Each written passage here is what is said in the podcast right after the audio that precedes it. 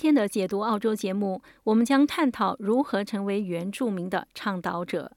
如果你成为澳大利亚原住民倡导者或者盟友，就意味着你个人积极支持对原住民社区具有重要意义的事物和事业的立场。下面是与原住民社区的宣传和盟友关系相关的一些需要考虑的方面，请听报道。澳大利亚和解协会首席执行官邦尊兰女士表示，虽然没有单一途径可以成为原住民的盟友，但是了解他们是第一步，就像在任何关系中一样。It has to start with understanding the relationship and the situation we are in today.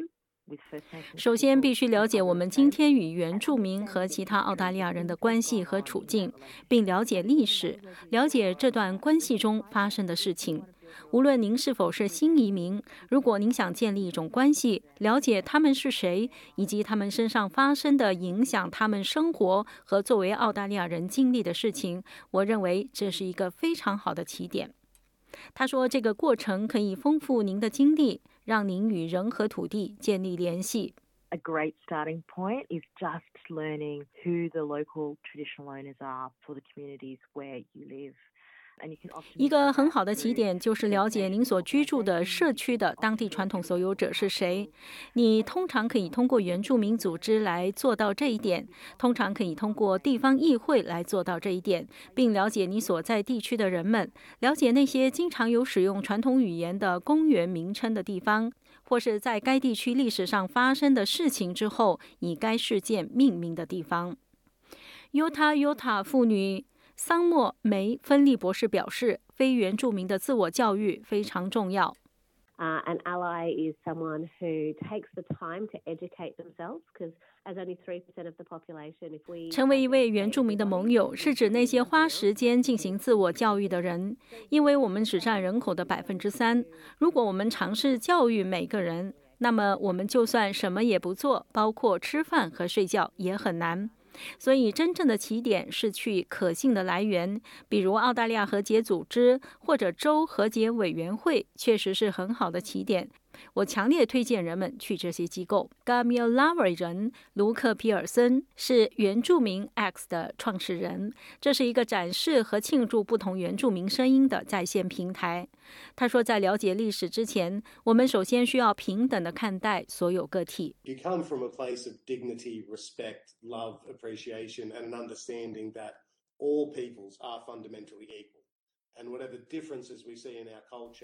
如果你来自一个有尊严、受到尊重、热爱、欣赏的地方，并且理解所有人民在根本上都是平等的，并且我们在文化中看到的任何差异都不是意味着更好、更差、优越、劣等的反应，那么你就有一个良好的开端。如果你没有认识到这一点，那么，不管你学到什么、经历什么，它总会过去，而你最终会找到方法来验证种族主义的合理性。